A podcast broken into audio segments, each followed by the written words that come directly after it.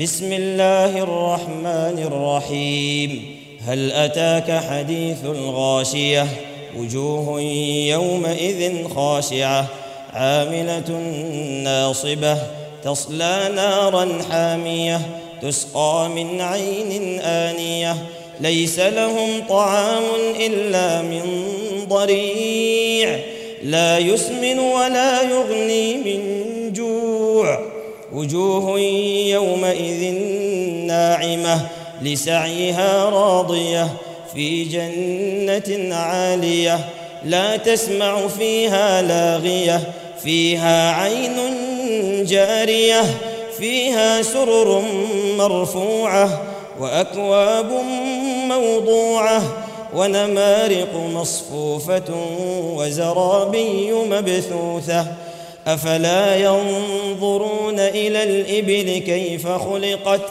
وإلى السماء كيف رفعت وإلى الجبال كيف نصبت وإلى الأرض كيف سطحت فذكر إنما أنت مذكر لست عليهم بمسيطر. إلا من تولى وكفر فيعذبه الله العذاب الأكبر.